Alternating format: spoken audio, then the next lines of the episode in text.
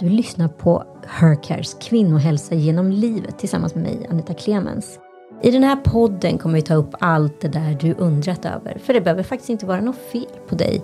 Men det kan vara så att dina hormoner är i total obalans. Under poddserien kommer experter ifrån Hercare tillsammans med mig och kända gäster gå till botten med allt från hormoner, PMS, fertilitet, klimakterie, PCOS, förklimakterie, IBS. Ja, och det är exakt det det här avsnittet handlar om.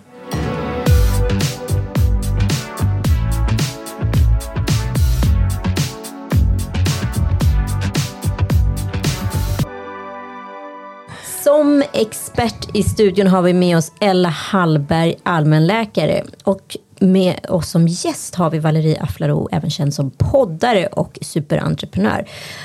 Valerie, du har ju flera år levt med den här dolda sjukdomen. Ja, det har jag gjort. Ehm, faktiskt sen jag var precis, um, kom in i tonåren tror jag.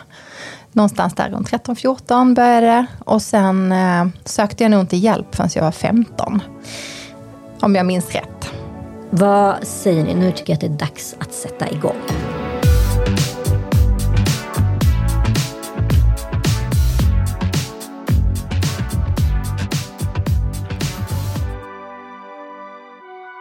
Ella, om vi börjar med dig, ja, precis som Valerie sa här, att hon håller på sedan tonåren. Men vad är IBS? Det är många som går runt med det här utan att veta om det. Ja, IBS det är ju ett jätteviktigt ämne just för att det är som du säger så vanligt i befolkningen. Och eh, många går ju runt med krånglig mage fast man inte vet att det är en IBS man har. Precis som Valerie berättade från 15-årsåldern. Alltså många går ju runt med den här sjukdomen utan att veta vad man, att man har det. Men vad, vad är IBS? Mm. IBS är ju en samling symptom. Egentligen kort och gott en krånglig mage. Det finns ju eh, inte någon förklaring, självklar orsaks förklaring till IBS utan IBS är ju en samling av magbesvär som kan ha en mängd olika orsaker. Men eh, vad kan symptomen vara? Är det liksom som tarmvred eller är det liksom läckande tarm? Alltså hur funkar det? Alltså jag tänker att man måste nästan mm. visualisera det här för lyssnaren. Ja, klassiskt för IBS är ju buksmärtor som kommer kanske efter matintag eller helt spontant under dagen, kvällen, natten. Sen kombinerat med att man ofta har en väldigt oregelbunden tarmhälsa ehm, eh, kan man säga att det emellanåt är hårt. Avföringen är stenhård, ibland kanske den är lös, man har flera tarmtömningar på en förmiddag. Um, ofta går det med en svullnad i magen, man kanske går runt och ser gravid ut i sjunde månaden fast man bara kanske tog en kanelbulle. Uh, det är helt enkelt uh, magbesvär som påverkar ens vardag väldigt mycket. Ja, men alltså det låter ju helt fruktansvärt. När började det här för dig, Valerie? Ja, men det var ju där runt tonåren. Eh, och då hade jag absolut ingen aning om vad det var. Min familj hade ingen aning om vad det var och läkaren hade ingen aning om vad det var. Så att, eh, det, jag gjorde ju alla tester och har gjort dem många gånger om. Och gjort allt liksom från gastroskopi och vet, rektoskopi. Och allt jag har testat. Men det, det, finns liksom ingenting att hitta och blodprover och sådär. Eh, tills jag gjorde ett annat test eh, och fick veta att jag hade ehm, känslighet mot gluten och alla spannmålsprodukter. Så då havre som då fanns glutenfritt kan jag heller inte äta. Eh, vetemjöl, allting sånt. Så att, eh, ja, nu blev det lång utläggning här. Men det, var, alltså, det, har varit, det har varit så pågående i mitt liv, liksom, från att jag var liten i princip. Så att, eh, jag har levt med det liksom, och lever fortfarande med det.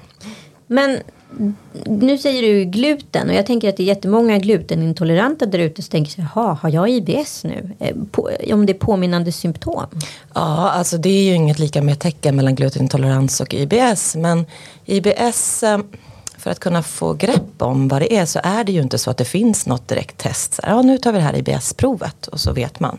Utan det blir en uteslutningsdiagnos, precis som det var för dig. Ja. Och för många um, så är det ju lång, tar det lång tid det är år efter år så kanske man söker en gång och så gör man en en gastroskopi för att det var mest uppe i magen med sura uppstötningar som var problemet. Man funderar om det var inflammation i magsäcken. Nej, det ser fint ut. Jaha, jaha visst ingenting. Nej. Och sen så gör man en ny satsning efter några år för det är ohållbart eh, med så mycket magknip och besvär och så får man en koloskopi, alltså när man tittar upp med en kamera i tjocktarmen och nej, det var ingenting där heller. Jag kallade något annat säkert, det var fel.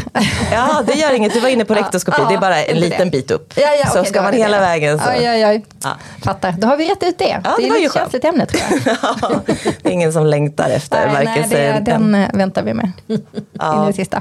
Kameror ner i magen och upp i rumpan är ju inte något som man direkt längtar efter. Men man vill ju ha ett svar när man har en IBS och man har ont i magen var och varannan dag.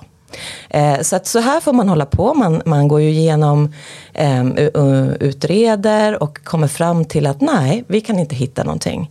Alltså får man diagnosen IBS. Det är ju så det har funkat i den vanliga vården. Men det finns ju lite hopp som vi kommer komma till när det gäller IBS. Precis. Men liksom märks det på magen exempelvis? Alltså reagerar den på stress? Levde du i en stressig liksom, omgivning när det här liksom började? Ja, det gjorde jag. Så att, eh, jag tror att, alltså sen vet man ju aldrig exakt orsaken till varför man får det, vad jag förstått det som. Ehm, men eh, ja, det gjorde jag. Och eh, sen har jag alltid varit, alltså jag har också levt, alltid levt hälsosamt och tyckt Alltså jag höll ju på med massa av olika sporter när jag var i den åldern. Jag tränade friidrott på väldigt liksom hög nivå och jag åt bra. Alltså min mamma lagar mat varenda dag och liksom vi åt ingen snabbmat ehm, hemmadräkt, hemma direkt. Alltså okej, falukorv och sånt där som kanske alla andra, men jag menar hon lagade alltid mat. Så att jag har alltid ätit regelbundet. Men det var um, det var liksom ändå att jag fick ont i magen. Jag kunde liksom inte se allt det här utifrån det jag hade lärt mig i skolan och hur man ska äta och allt det här, tallriksmetoden och tänk, när man är i den åldern, det är det man har som referens liksom. Och det var alltså så jag åt. Så att jag, jag kunde inte förstå vad det var jag gjorde för fel. Faktiskt. För jag tyckte att jag åt inte, jag tyckte andra åt värre eller så. Ja men det är klart att man går till sig själv och tänker att det där är. Men eh, vad säger du Ella? Eh, jag så tänker, sitter och tänker nu på ja, orsaker. Jaha, då har vi en, eh, en orsak som du senare kom fram till då att du var känslig kanske mot gluten och eh, att det gjorde stor skillnad när du tog bort det och havre och så. Ehm, sen har vi ju en annan orsak som vi, du var inne på Anita, det här med stress. Eh, ja, det kan vi också baka in så vi ser nu att det börjar liksom utkristallisera sig ett litet pussel här. Att det inte är, oftast inte är bara en orsak. Sen kan man ju fundera, så, "Ha, men varför får du det då som 14-åring som tränar och äter regelbundet och förmodligen får dina 8-10 timmars sömn per natt och sådär. Ja, då är det någon, någon medfödd känslighet såklart. Och då kan ju det vara att man i familjen har en viss typ av bakterieflora. För nu kommer vi in på en spännande bit som ju studeras allt mer när det gäller IBS. Och det är ju att vad, hur har jag det med min balans i bakterierna i tarmen som ju är tarmen, tjocktarmen ska ju vara full av bakterier. Eh, det är där vi vill ha dem, vi vill ha dem i tjocktarmen och vi vill ha sådana fina bakterier som bryter ner vår mat på ett sätt så att det inte blir en massa jäsningsprocesser eh, eller så att det går för snabbt eller för långsamt. Och så kan vi fortsätta med eh, själva rörelsen genom tarmen. Och det varierar ju också eh, hur vi har det med det. Den kallas för peristaltik. Det är alltså en, en eh, icke, vi kan ju inte styra den, en icke styrbar rörelse genom tarmen. Och där ser man också att om rörelsen är lite upphakad och rör sig lite fram och tillbaka, ja, då får man också mer problem med, med gasbildning i tarm. Och det som gör ont i en tarm, det är ju när tarmväggen spänns ut. Alltså när det blir lite för mycket gas som inte passerar så snabbt som den ska, eller att det blir helt enkelt lite för mycket av det som man stoppar i sig. Precis, men jag, jag tänker på när du som allmänläkare då får in en patient. Ehm, och så sitter man då och ska lägga, liksom lägga det här livspusslet. Hur många gånger är det folk inte liksom upplever sig själva som man faktiskt är? Att så här, ja, men som stress som du liksom kartlagde långt senare. För att det kanske inte kändes som stress där och då. Men det, hur, hur funkar det? Hur kan ni liksom lista ut det då? Eller måste patienten ha liksom 100% koll på sig själv? Ja, ehm, nej det där är väl ett, ett arbete som man behöver göra tillsammans och, och kanske sakta men säkert få mer och mer förståelse. Eller vad säger du? Hur har det varit din resa? Nej men när du säger det så kommer jag ihåg att läkaren frågar, ja är du stressad i skolan? Hur är det med kompisar? Och hur liksom funkar det med allt? Men alltså gud den åldern var ju hemsk. Mm. det var ju liksom pojkvänner och det var, man var ju alltid någon slags hjärtesorg och det var alltid liksom, jag vet inte, nu fanns ju inte ens sociala medier på den tiden, men jag tyckte ändå att det var stressigt. Man skulle på någon fest eller jag vet inte. Och man kände, oh, jag vet inte, ni vet, det var bara en jobbig tid där i tonåren. Stressigt med kompisar, Stressing med kompis, minikonflikter här och Precis, där. Minikonflikter och så, så är lite bråk hemma och, så, så att, och stress i skolan. Så det är ju en stressig tid. Mm. Och sen så vet jag om att vi har liksom magproblem i min familj också sen tidigare. Så att, sen har de varit olika. Och det var inte så lätt för mig att ta reda på vad min mormors magproblem var kanske. Så. Mm. Men det fanns liksom i familjen. Så det var ju någonting som vi då sa till den där första läkaren vi träffade. Men det, jag har ju träffat så många läkare. Alltså nu är det ju många år sedan jag träffade en läkare eftersom jag gav upp sen. Eh, men eh, så det, då, då är ju stress liksom alltid en fråga man får. Och som du säger så visste jag kanske inte riktigt först om jag var stressad eller inte. Men, mm. men det får man ju tänka efter på. Det är också en pedagogisk ja. eh, utmaning. Eh, som läkare så går alltså det funkar inte så bra med relationen om man direkt bankar stresshammaren i huvudet på patienten och säger nej men det är stress bara, gå hem och vila. Ja, och så det kommer det bli bättre. Jättesvårt att stressa av när ja. man är 15 kanske. För det första är... kanske man också undgår att oroa sig, kan jag ha fått en tumör i tarmen? Exakt. Kan det vara något jätte jätteallvarligt som ni har missat här nu.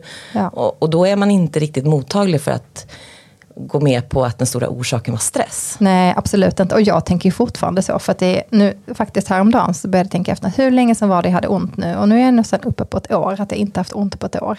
Men innan det så hade jag ju ont väldigt, väldigt ofta. Och då är det ju liksom såklart de här värsta tankarna som kommer, att man tänker att nu är det något som är fel.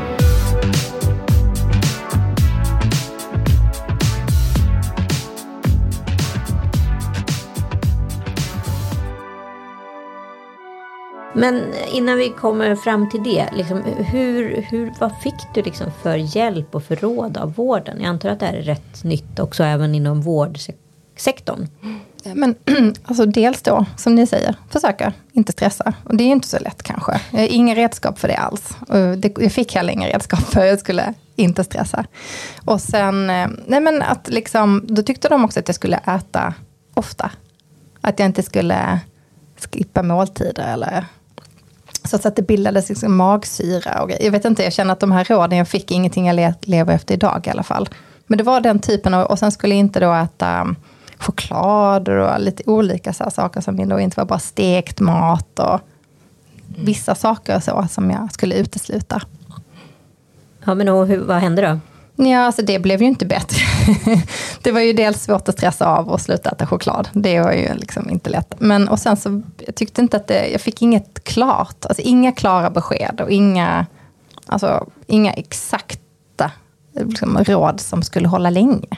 Så att jag, jag blev ju inte bättre alls. Det blev jag inte. Nu är ju det här ett tag sedan, men vad säger man idag när en sån här patient kommer in? Um, idag när man har gjort sin liksom, grundläggande utredning och uteslutit då, kanske glutenintolerans, då, celiaki och man har tittat in i tarmen från alla håll och man har bestämt sig om man nu överhuvudtaget har gjort det eller om man har ansett redan från början att här finns inga så kallade röda flaggor som är det här, eh, finns det någon fara?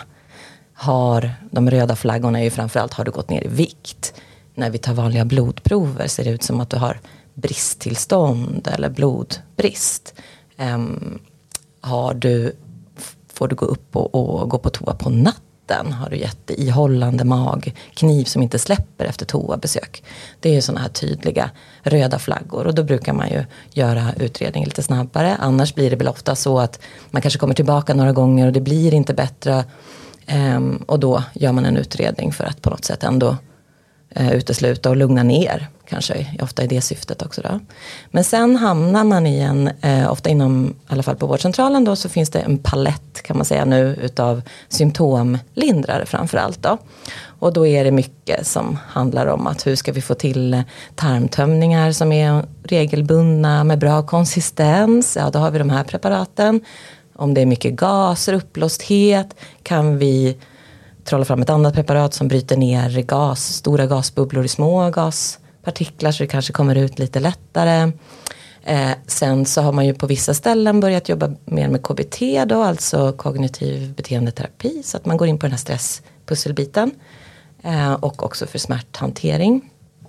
Eh, så, så där eh, håller man väl ofta på eh, i den vanliga vården. Och sen så finns det ju då dietister som eh, man kan be att bli remitterad till om inte ens husläkare kommer på det. Så jobbar man oftast med något som heter FODMAPs som är en typ av eh, diet där man undviker vissa FODMAPs-rika livsmedel. Nu är det för mycket läkarspråk här. Vad ja, betyder det? Det betyder att det finns en lista som man följer. De här eh, näringsämnena skapar, har tendens att skapa mycket gas i tarmen. Så undvik dem. Okej. Okay. Ja. Men eh, vad är sån här SIBO? Mm. Just det, nu är du inne och nallar här på orsakerna. Ja. Och det tycker jag är fint, för det som vi ska vara ödmjuka för det är ju att IBS är ju bara ett samlingsnamn. Det är ju inte en diagnos i, den, i det avseendet att okej, okay, eh, fraktur, brutet ben, det är så här. Okej, okay, IBS, det beror på det här. Utan IBS beror på massa olika saker. Eh, och har man då funderat över tarm, hur det ser ut med bakteriebalans och hit och dit. Så har man också kommit in på det här kanske när man har googlat sig runt på något som kallas för SIBO. Det är alltså stora bokstäver S-I-B-O. Small Intestinal Bacterial Overgrowth. Alltså överväxt av bakterier i tunntarm. Okej, okay, det här är ett spännande, ganska nytt område som har forskats på länge i USA men som sakta börjar ta sig hitåt. Eh, och det betyder alltså att alla de här fina bakterier som vi har i tjocktarmen där de ska ta emot näringsämnen som har hunnit brytas ner. Det där är ju en process genom tarmen. Åh, det är många meter tarm. Så in kommer näringsämnena, mitt knäckebröd och så ska det börja brytas ner i magsäcken. Och sen ska det ner i tarmen och där ska det till lite gallsyra förstås för att bryta ner fetterna. Och de här enzymerna, nedbrytningsmolekylerna från bukspottkörteln som sitter på andra sidan eh, för att bryta ner proteinerna och så ska allt det här sakta brytas ner, kolhydrater och allting tills det kommer ner till tjocktarmen för en sista liksom, bearbetning. Men om man då har en SIBO då har man alltså bakterier lite för tidigt i den här långa slangen, tarmslangen. De har vandrat upp ifrån tjocktarmen då, det är det man har upptäckt. Och man tror, det är ju mycket ni vet hur det är med forskning, det ska forskas hit och dit och ja så här var det eller så här var det inte och så. Men det man har sett i upprepade försök är ju då att eh, det verkar bildas väldigt mycket gas i en tarm där bakterierna är, träffar de här näringsämnena lite för tidigt. Har inte näringsämnena kanske riktigt hunnit brytas ner i sådana små pluttiga bitar så att de kan tas om hand av bakterierna? Eller är det så att i tunntarmen blir en annan typ av bakteriebalans som gör att de här bakterierna de, jag menar, bakterierna är ju superbra, de hjälper oss med all typ av eh, nedbrytning och upptag i tarm och sköta tarmhälsa. Men blir de i fel balans på fel ställe, ja då kan det bildas väldigt mycket gas. Och då har vi det där, utspänning av tarmen ger smärta, uppblåsthet.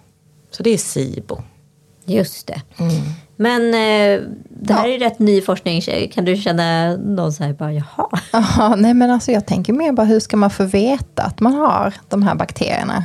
Mm. Uh, för jag har ju inte liksom forskat vidare utan någonstans för sju år sedan, kan inte komma åtta kanske, så la jag bara ner det.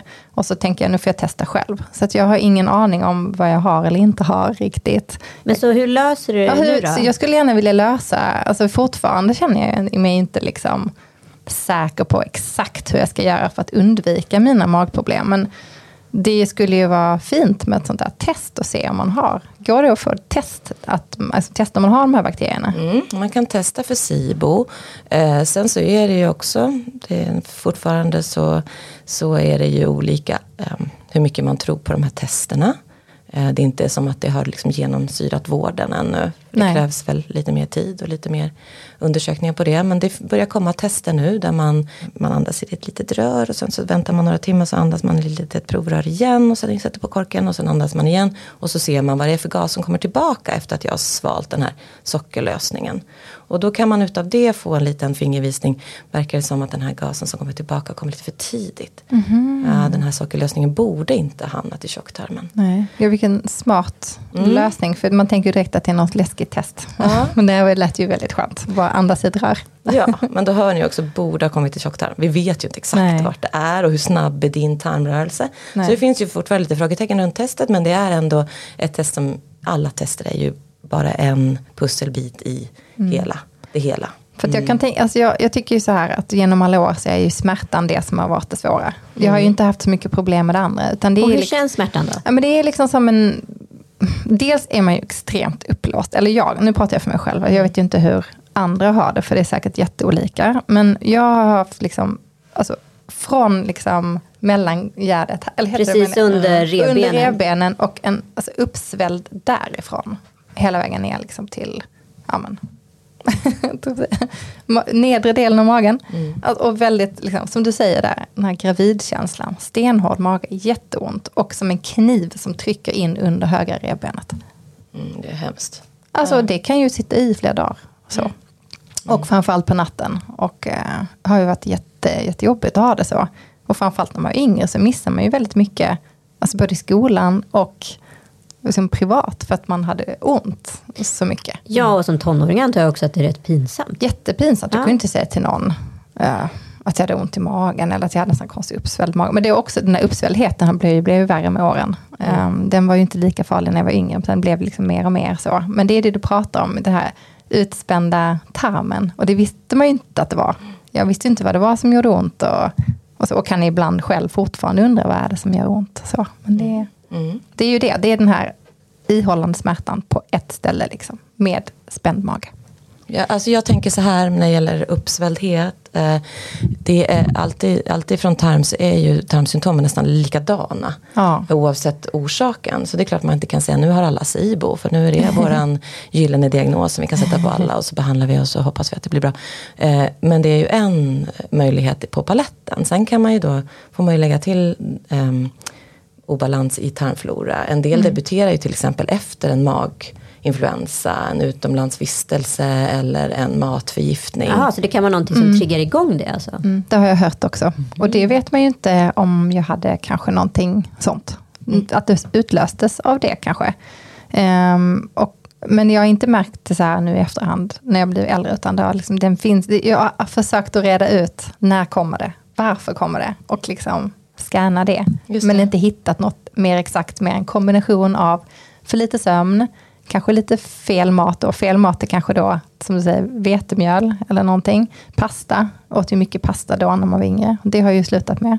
Och sen, ja men alla sådana där man liksom reder ut själv vad det skulle kunna vara. Och så hittar man till slut en röd tråd och så försöker ändra på den.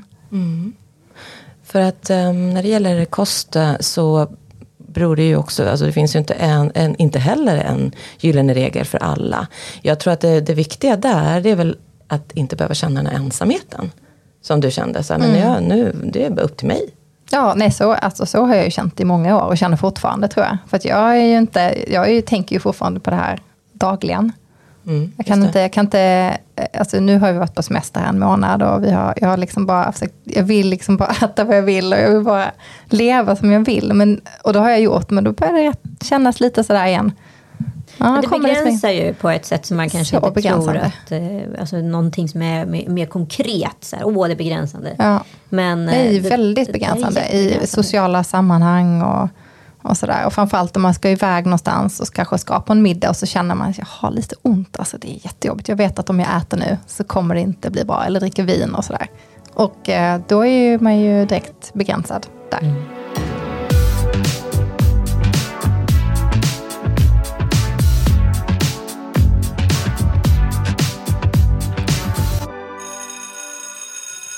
Hur mår du?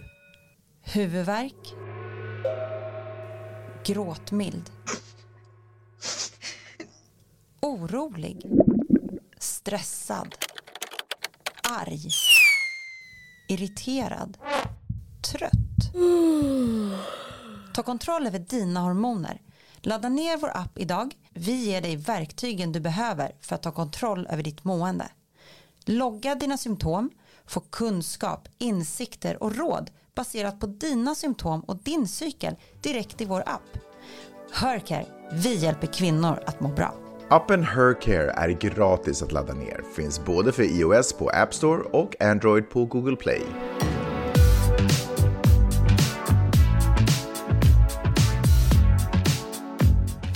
Men det finns ju någonting som kallas för läckande tarm. Som jag tycker, jag ser lite löpsedlar och liksom rubriker här och där eh, på kvällspressen och sådär. Vad, vad, vad är det för något? Mm. Alltså läckande tarm är lite precis kvällspressuttryck för att det är så dramatiskt. Man säger, ah, min tarm läcker. Alltså tarmen ska ju läcka, annars får vi inte någon näring i oss. Vi måste ju ha eh, genomsläpplighet mellan innehållet i tarmen som är maten och näringsämnena och blodbanan som ska fånga upp näringsämnena och, och transportera dem dit de ska i kroppen.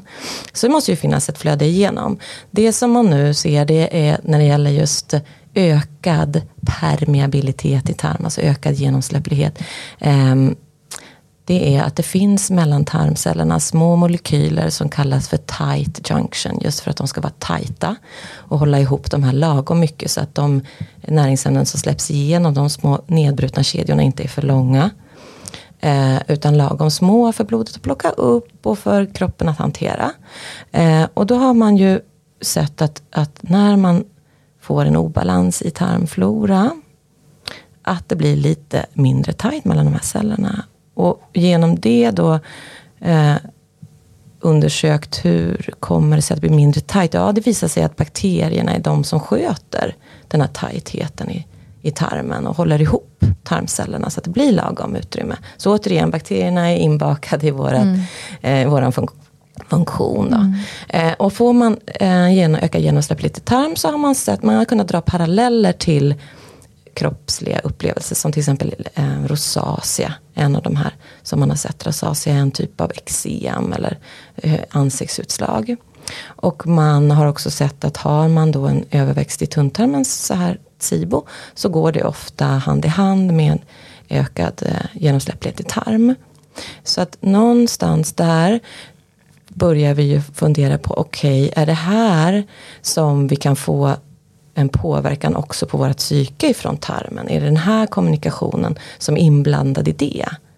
Eh, kan vi tänka, är det så att det är stress och press och oro och ångest som ger oss tarmbesvär?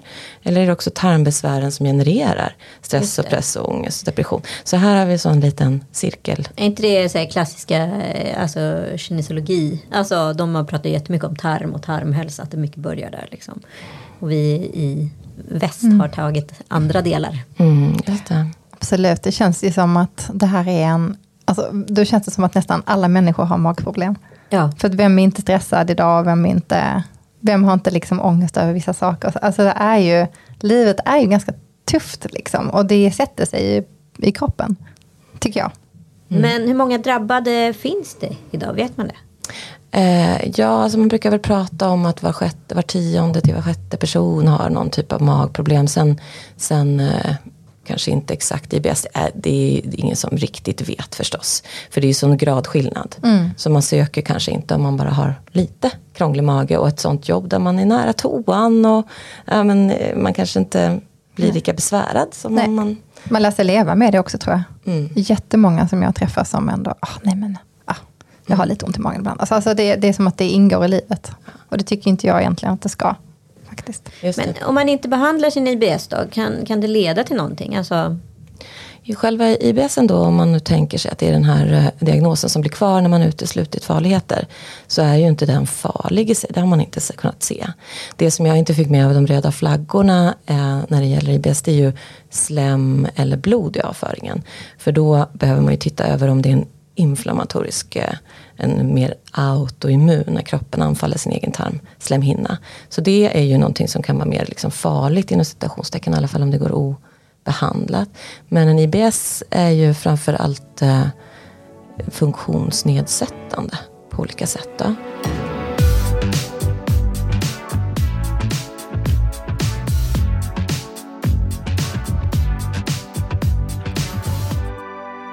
Eh, men hur påverkar stressen eh, IBS? Liksom? Mm.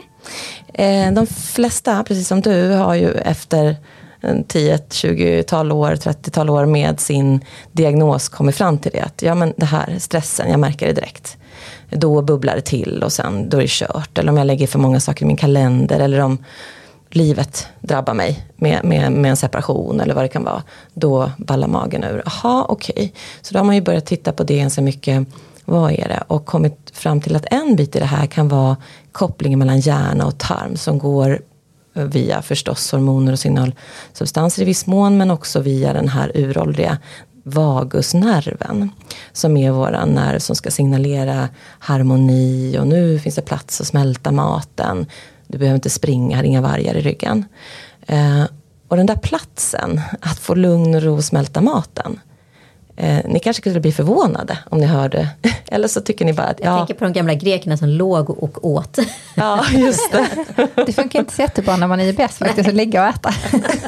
Precis. Det kommer upp igen. Ja. Ja. Men där krävs det ju alltså att hjärnan har fattat att det är lugn för att få matsmältningen att funka bra.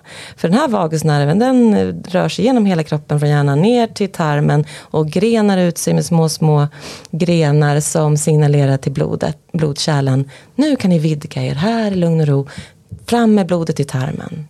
Blodet har med sig syre. Här kan ni mata. Nu får bakterierna, de här goda bakterierna som vi vill ha i god mängd i tarmen. Nu får de syre, så här, nu kan de leva och frodas. Den går också ner till levern och gallan och släpper på galla, släpper på de här enzymerna vi pratar om som ska bryta ner maten och se till att det blir rätt miljö för den här nedbrytningen. Så ni kan ju tänka er då hur det blir om man eh, äter en, en macka eller slafsar i sig en sallad framför datorn. När hjärnan är i full gång, påslagen, kanske ett härligt driv, men ändå på en helt annan plats än rest and digest, som det kallas när vagusnerven är fullt påslagen. Då är det egentligen helt fel som man gör, att man umgås väldigt mycket kring maten då, att man träffar mycket människor, ska vi inte ta en lunch idag och sådär. Ja, ja, visst. Alltså det är ju egentligen helt fel. Då ska man ska egentligen sitta i sin egen lugna ro och äta och helst inte prata med någon. Och sen kanske ta en liten powernap. Och kanske en liten powernap. Ja, gärna. Alltså, ja, det beror på vilket sällskap. Är man helt avslappnad Ja, det är det är sant, familjen och det är, vi sitter här och det är ingen press. Men kanske lunchmötena är inte riktigt av Nej, den kalibern. man, kanske, Ja. Om man ska ha någon slags viktigt möte kanske, där man måste vara på helspänn. Men det var väl ett supertips för alla som har krånglig mage att så här, undvik lunchmöten och kanske ta en liten powernap. Om man Mm. måste låsa in sig på toaletten så gör det. Ja, men faktiskt. Alltså jag tror att det är rätt vanligt nu också när vi kommer tillbaka från semestrarna. Att man vill, det är många som drar in, ska vi inte ta en, en lunch? Och det kan ju vara allt från privat till jobb. Så att, eh, skippa den. Just, Ja. just. Och skapa lite luft i systemet här och där. Så att det finns chans för den här vagusnerven på den här korta lunchpausen, en timme, att haka i och, och känna att det går att lugna ner sig. För har vi haft tempo 200 km i timmen från 8 till 12, då kan det vara lite kort också komma ner, hinna komma ner i varv på lunchen och smälta maten. Jag måste bara fråga en sak som jag tänkte på. Jag fick oftast också mer ont i magen ungefär vid mens. Alltså då blev min IBS värre. Eh, och faktiskt när jag varit gravid så har det blivit värre också i början av graviditeten. Så jag tänker, kan det finnas något samband med hormonellt, det hormonella? Ja, det gör det. Ehm, Jag har inte sett eh, några exakta förklaringar på hur. Nej. Eh, Men eh, vi träffar ju kvinnor hela dagarna på Hercare. Och Ehm, så många beskriver ju att en, en IBS som de kanske inte har resten av månaden. Men som dyker upp där en vecka innan mens, under mensen. Och har man då en IBS redan före. Så någon typ av kän- ökad känslighet blir det där. Sen om det är en känslighet som, håll, som är kopplad till att jag inte kanske tolererar samma stressnivå som resten av cykeln, så då märks det ner i magen. Eller om det är på faktisk bakteriell nivå eller så. Det kan jag inte säga. Man kan ju bara hålla på här och spekulationsprata om det. Ja. Men du, jag vet att vi har pratat en om vid något tillfälle och du säger att du kör exempelvis en liten springtur varje dag. ja, Exakt. Jo men alltså jag måste säga att alltså, det är inte bara en sak. Och jag tror att träningen är också botemedel för lite så här för klimakterier och sånt här för mig också. Men jag har ju blivit bättre sen jag började träna regelbundet i alla fall. Sen så kanske jag inte gör det varje dag riktigt. Um, jag var, kanske gjorde det just då. men jag gör inte det alltid. Men jag försöker ändå att liksom, jag har hittat min grej som funkar. Sen är det olika för alla. Men, eh, men att alltså, konditionsträna tre gånger i veckan minst. Eller få puls och svettas kanske i 40 minuter. Så håller sig min mage mycket, mycket bättre. Mm. Men sen, sen lite som man är inne på när man tänker på sånt, är också att man då kanske man äter lite bättre också. Så. Dricker lite mer vatten. Dricker lite mer vatten. Mm. Alltså det blir en, alltså utifrån träningen så kommer det en positiv effekt liksom, på allt. Lite mindre Så. sockersug. Exakt, Ja. sådana saker. Så Mm. träningen har ju hjälpt mig att bli bättre. För att nu efter det här, till tillbaka så här det senaste året, då, så har jag ju tränat mycket mer. Och försökt att få in det verkligen i min vardag. Det har hjälpt jättemycket. Mm.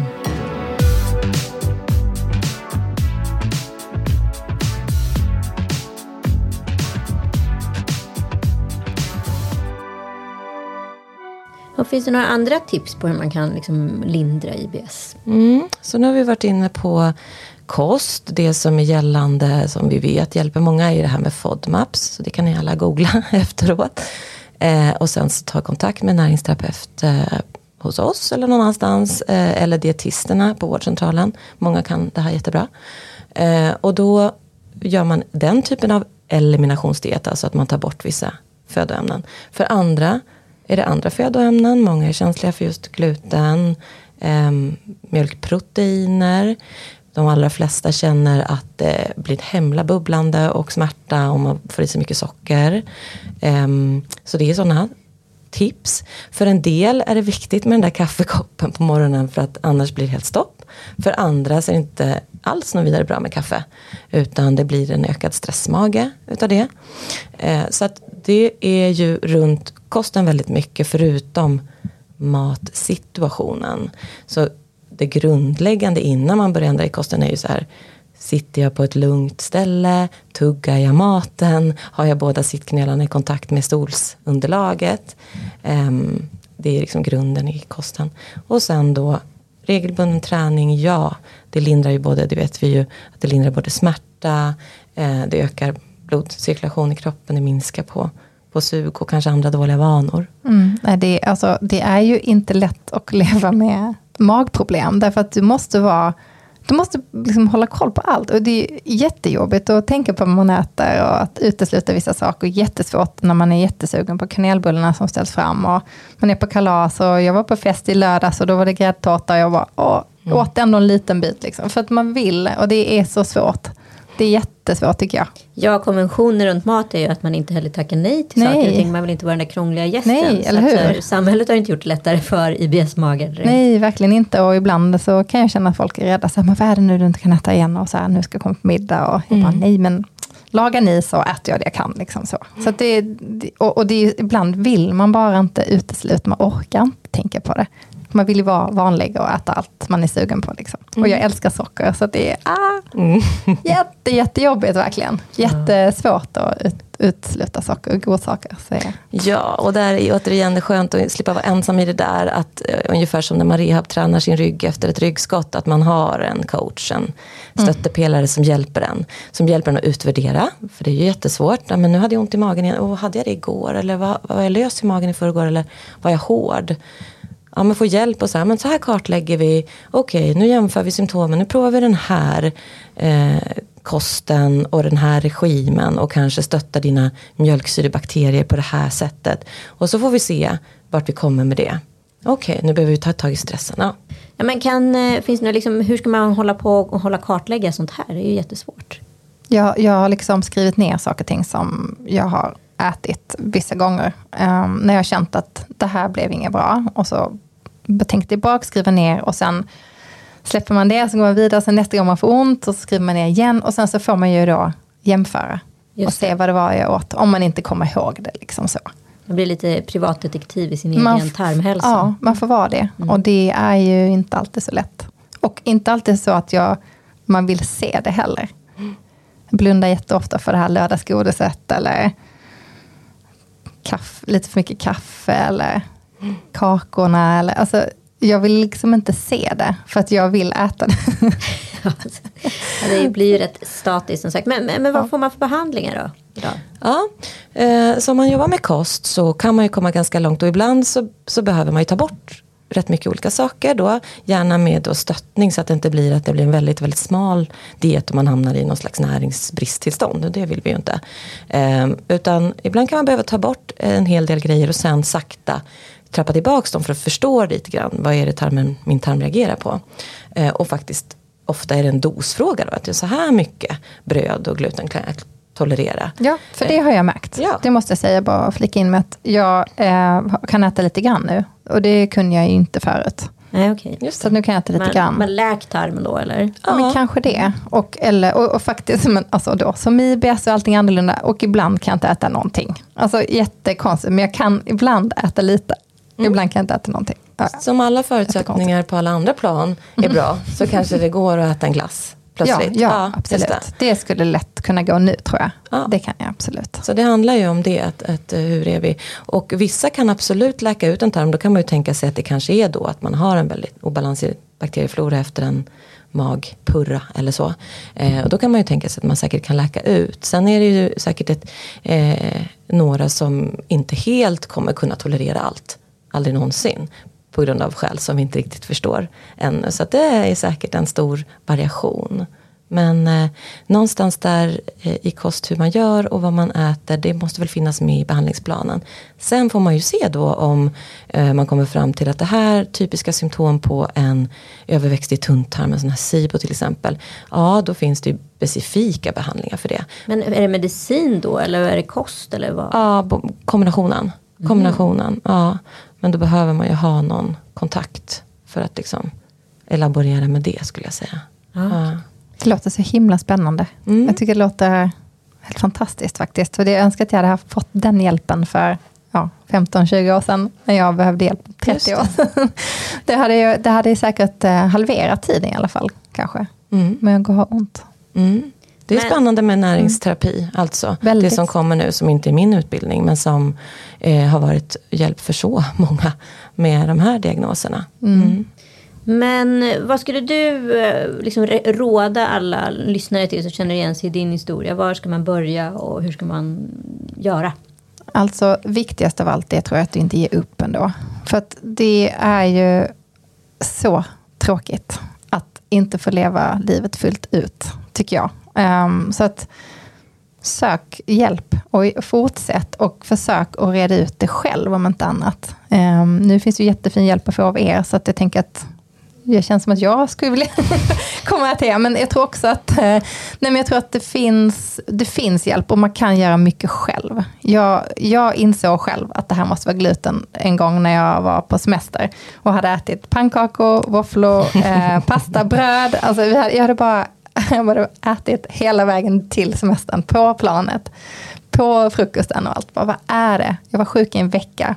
Mm. Jag var i Mexiko och kände, jag förlorade en hel vecka där och det var min drömresa. Så jag bara, nej, nu ska jag ta tag i det här ordentligt. Så jag tror, alltså, ta tag i det.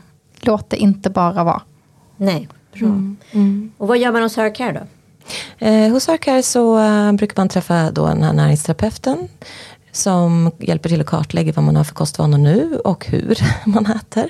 Eh, och sen så jobbar man ofta då med eh, dietråd, eh, gemensamt experimenterande, eh, tillägg av eh, eh, probiotika. Så, Den har jag inte testat ännu, probiotika. Ah, ah. Många som har pratat om, eller jo, ska säga testa lite, men det gjorde faktiskt allting värre. Men jag, men jag doserade själv. Ja, och det är också, då, också en lärdom. Dels är det ju olika typer av bakteriestammar i probiotika som man kan välja bland. Men det är också en, ett faktum att har man en överväxt i tunntarm så kan det ju spä på. Lite som att man eldar på här bara, Ja. all gasbildning. Så då får man backa och då har man lärt sig Ja, någonting. jag, jag slutade med den sen. Just det.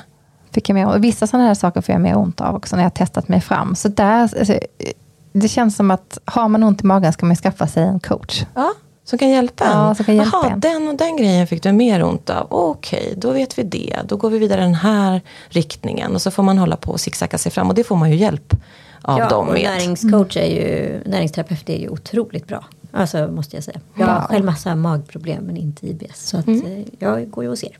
Just det. Sen är det ju som med allting annat att eh, mm, försöka undvika att liksom gå in, alltså göra av med för mycket pengar på kroppen på någonting som inte fungerar. Det här är ju saker som vi håller på att jobba med att förstå. Så det finns inte någon exakt liksom, vetenskaplig evidens bakom allting som näringsterapeuten gör. Eh, vissa grejer absolut och de försöker ju vara så seriösa och många är otroligt pålästa. Eh, men ibland så experimenterar man lite med sånt som är helt ofarligt förstås. Men i riktning att kanske hjälpa, kunna hjälpa någon. Eh, och då får man ju också, om det inte hjälper, faktiskt backa och inte köpa på sig ytterligare dyra preparat som man kanske inte var hjälpt av. Så det där får man ju ha, det är en balansgång.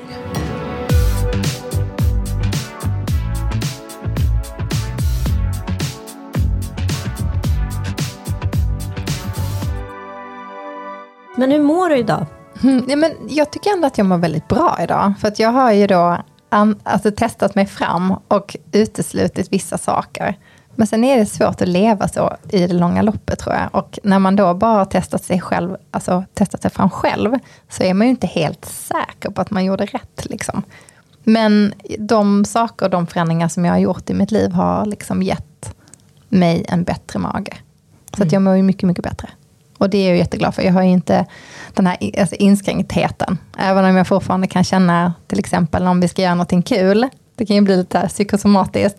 Då oroar jag mig för, åh nej, bara jag inte får ont i magen nu. Jag vill verkligen äta på den här restaurangen. Eller jag vill verkligen kunna hänga med våra vänner på den där weekenden och inte liksom ha ont och sådär. Så det är ju fortfarande lite ett problem, det är det. Men jag mår ju så mycket bättre.